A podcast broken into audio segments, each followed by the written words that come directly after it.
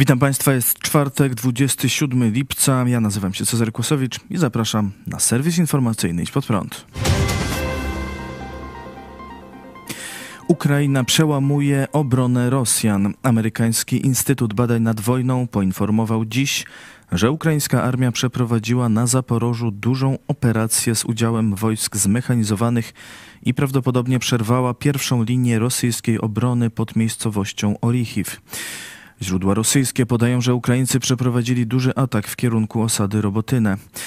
New York Times, powołując się na źródła w rządach ukraińskim i amerykańskim, przekazał, że rozpoczęło się główne uderzenie kontrofensywy ukraińskiej. Strona ukraińska przekazała nam, że prowadzi teraz główne natarcie kontrofensywy oraz przerzuca więcej jednostek i sprzętu na najbardziej wysunięty na zachód odcinek frontu w obwodzie zaporowskim, przekazał dziennikowi amerykański urzędnik. Ukraińcy mieli przekazać, że nowe natarcie może potrwać od jednego do trzech tygodni. Siły ukraińskie posuwają się też naprzód pod Bachmutem. Stopniowo posuwamy się naprzód w sektorze bachmuckim, na południe od Bachmutu. Walki trwają w rejonie Kliszczyjówki, Kurdiumiwki i Andriiwki. Są dość zacięte. Wróg prowadzi intensywny ostrzał. Odpieramy ataki wroga na północ od Bachmutu. Relacjonowała dziś na telegramie wiceminister obrony Ukrainy Hanna Maler. Cukierki z samolotów, dmuchańce, kino plenerowe i pokazy iluzjonistów. Takie atrakcje pojawiają się na piknikach Rodzina 800+, organizowanych przez Ministerstwo Rodziny i Polityki Społecznej oraz urzędy wojewódzkie w miastach całej Polski. Imprezy w deklaracjach są kampanią informacyjną. W trasie są też busy informacyjne 800, gdzie można zasięgnąć wiedzy na temat zmian w programie Rodzina 500. Tylko jaki związek z informowaniem o podniesieniu kwoty świadczenia socjalnego o 300 zł mają iluzjoniści albo deszcz cukierków z samolotu? I czy dość prosty fakt zmiany z 500 na 800 plus omawiany już wielokrotnie w mediach wymaga prowadzenia takiej kampanii informacyjnej? Naturalnie pojawia się podejrzenie, że chodzi nie o informowanie, ale o kampanię polityczną przed wyborami. O to pytali dziennikarze wiceministra finansów Piotra Patkowskiego. Ten powiedział jedynie, że wydarzenie jest organizowane, aby Polacy dowiedzieli się o zmianach. Zadaniem rządu jest przyjmowanie dobrego prawa, a także informowanie o przyjmowanych przez rząd ustawach, tak żeby wszyscy, do których są kierowane, mogli z nich korzystać, powiedział Patkowski. Posłowie Platformy Obywatelskiej stwierdzili, że pikniki finansowane ze środków ministerstwa to po prostu kampania wyborcza Prawa i Sprawiedliwości finansowana nielegalnie z publicznych pieniędzy. Aleksandra Gajewska, Marcin Kierwiński i Arkadiusz Marchewka na konferencji przed Ministerstwem Rodziny powiedzieli wczoraj, że rozpoczynają kontrolę finansowania pikników. Rozpoczynamy kontrolę, kontrolę pikników 800. Całe państwo pracuje dzisiaj na to, żeby politycy PiSu mogli promować się, lansować się, pokazywać się na tych piknikach. Bo one służą temu, żeby politycy partii rządzącej przyjechali tam na miejsce i pokazali się, zrobili zdjęcia, wrzucili na swoje social media. Przychodzimy z kontrolą i sprawdzimy wszystkie wydatki dotyczące pikników 800, ale i busów 800. Instytucje państwa są wykorzystywane do partyjnej propagandy. To jest ukryte, nielegalne finansowanie kampanii wyborczej PiSu. Za pieniądze podatników organizują partyjne wiece, na których przemawia Kaczyński i nie ma to nic wspólnego z promowaniem jakichkolwiek idei, które realizuje instytucje państwowe, jakim jest ministerstwo. I niestety za to wszystko płacą podatnicy. Jesteśmy tutaj po to, aby sprawdzić, jakie środki finansowe, ile pieniędzy wydają na tą polityczną propagandę w sposób ukryty, w sposób, który jest utajniony i ukryty przed społeczeństwem. Że oni traktują instytucje państwowe, jakby były własnością ich partii. O 800 plus i o tym skąd bierze się bogactwo narodu rozmawialiśmy dziś w programie Idź pod prąd na żywo. W rzeczywistości to jest klęska. To jest klęska, nie? Że już 500 plus zostało zżarte przez inflację i teraz trzeba dać 800 plus. To co, następnym roku damy 1000 plus, 1500 i tak dalej, nie? Czyli widać, rozpędzili inflację właśnie tymi 500 plusami. Kiedy byśmy sięgnęli do Biblii, to zobaczymy przepis na zniszczenie kraju. Zły król y, jest tam opisany, jak może zniszczyć kraj. Nie? Y, I zobaczcie, dobry król daje sprawiedliwość. Czyli zły król będzie czynił bezprawie, czyli będzie uderzał w sprawiedliwość. Ona jest nawet wcześniejsza niż bogactwo. Bo dopiero w sprawiedliwych państwach, czyli gdzie człowiek się czuje bezpiecznie, bo jak jest niesprawiedliwe państwo, no to każdy oligarcha przyjdzie i ci ukradnie, nie? Ty zarobisz, on popatrzy, o ma ładną tam krowę, czy, czy ładne pole, to będzie moje, nie? I jeśli nie ma sprawiedliwości, to bogactwo nie może się utrzymać w rękach tych, którzy go wyprodukowali, tylko zostanie złupione przez jakichś bandytów, nie? W państwowych, prywatnych, czy jakichś tam rękach, nie? Czyli musi być najpierw poszanowanie własności, własności, czyli sprawiedliwość, dopiero i ten tekst biblijny, zobaczcie, mówi, że umacnia się właśnie prawem, czyli najpierw musi być sprawiedliwość, a dopiero potem w tym państwie, mówimy teraz nie o poziomie e, osobistego tam bogactwa pola i tak dalej, tylko poziomie państwa, musi być sprawiedliwość, żeby mogły spontanicznie z dołu rosnąć fortuny uczciwych ludzi. Prezes Najwyższej Izby Kontroli Marian Banaś oraz lider Konfederacji Sławomir Mencen wystąpili dziś na wspólnej konferencji prasowej. Zaprezentowali projekt ustawy rozszerzający kompetencje Najwyższej Izby Kontroli i dający jej uprawnienia prokuratorskie oraz przedstawili pomysły zmian, które mają wzmocnić pozycję NIK i jej niezależność. Marian Banaś poinformował, że Konfederacja zadeklarowała całkowite poparcie niezależności Najwyższej Izby Kontroli i wzmocnienie jej uprawnień jako organu konstytucyjnego stojącego na straży grosza publicznego, patrzącego na ręce każdej władzy niezależnie od opcji politycznej. Nowelizacja ustawy da gwarancję, że wszystkie środki publiczne będą wydawane zgodnie z prawem w sposób w pełni przejrzysty, transparentny i gospodarny. Wszystkie te postulaty zawarte w naszym projekcie zmiany ustawy o NIK popiera Konfederacja i dlatego stoimy tu razem z jej prezesem Sławomirem Mencenem.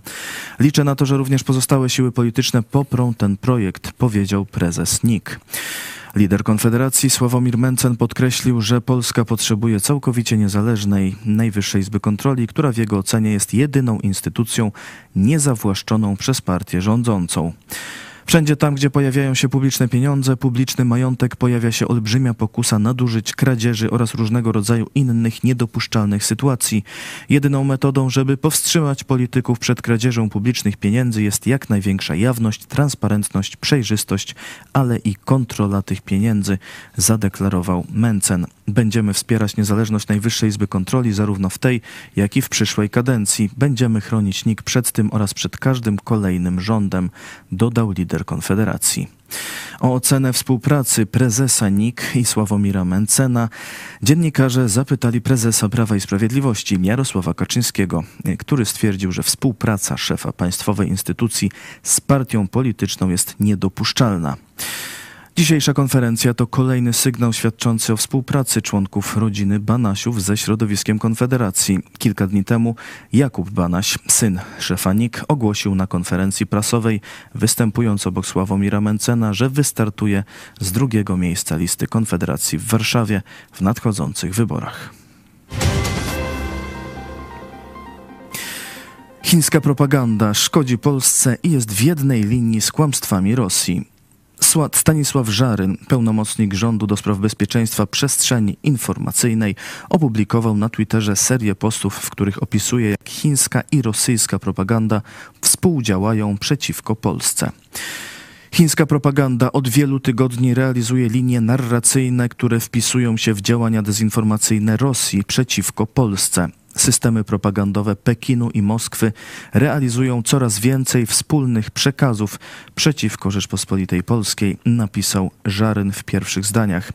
Wśród wspólnych dla Rosji i Chin narracji wymierzonych w Polskę wymienił przedstawianie Rzeczpospolitej jako agresywnego kraju o imperialnych zapędach, którego działania uderzają w interesy Rosji, Białorusi, Ukrainy, a nawet państw NATO.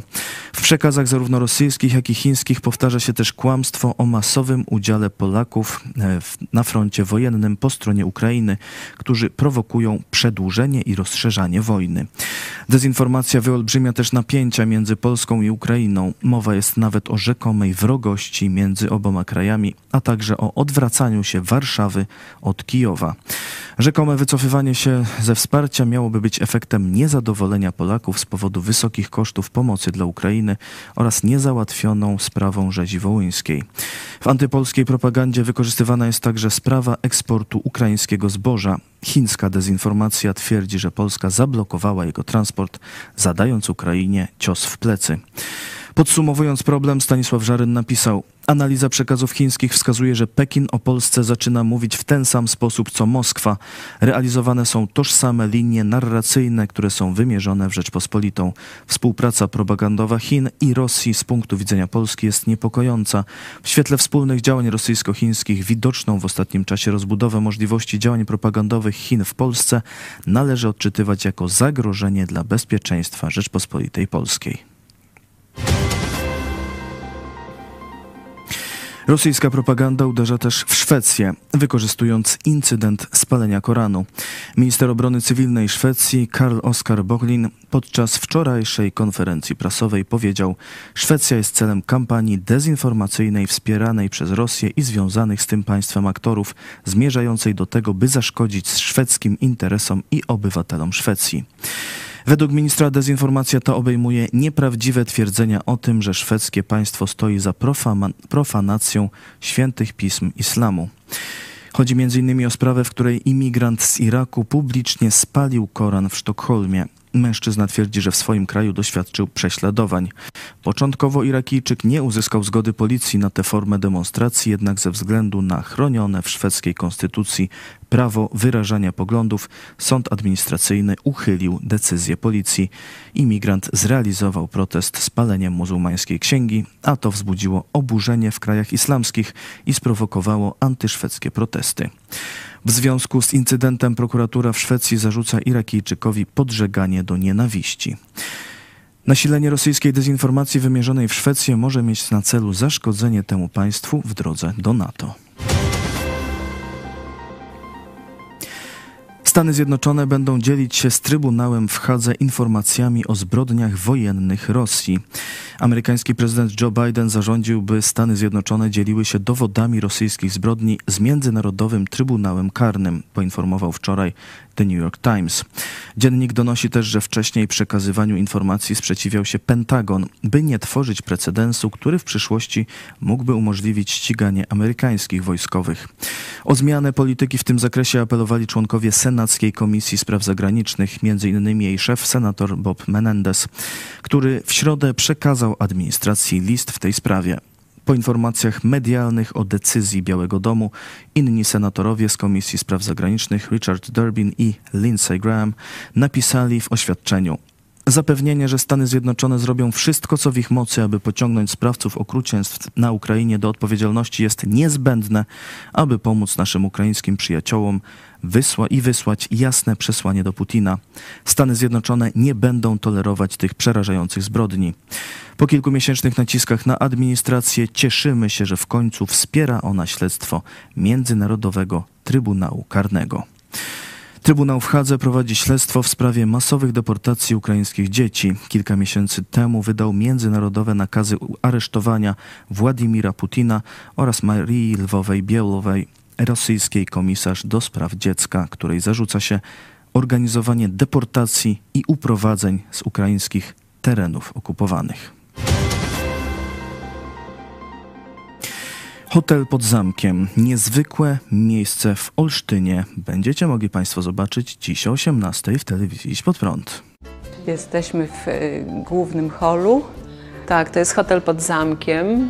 Piękne miejsce, czarowne. Po prostu spędziliśmy tu kilka nocy. Było bardzo przyjemnie. Ten napis Tajemniczy za... Właśnie, napis. Na północy, na południu, na wschodzie, na zachodzie. Wszędzie jest mój dom, moje gniazdo i wszystko, co najlepsze. Tak bardzo, bardzo jest klimatycznie i pięknie. I te, rozumiem, te odrzwia, jak to nazwać, ob, Tak. obramienia, to też są oryginalne, Wszystko prawda? jest to, jest, oryginalne, to jest ta tak. właśnie I skrzypiące schody również. Słyszałam, że w, ang- w angielskich hotelach dopłaca się za skrzypiące drzwi i schody, tak żebyśmy byli świadomi, że to ma właśnie ten klimat właściwy. To dziś o 18.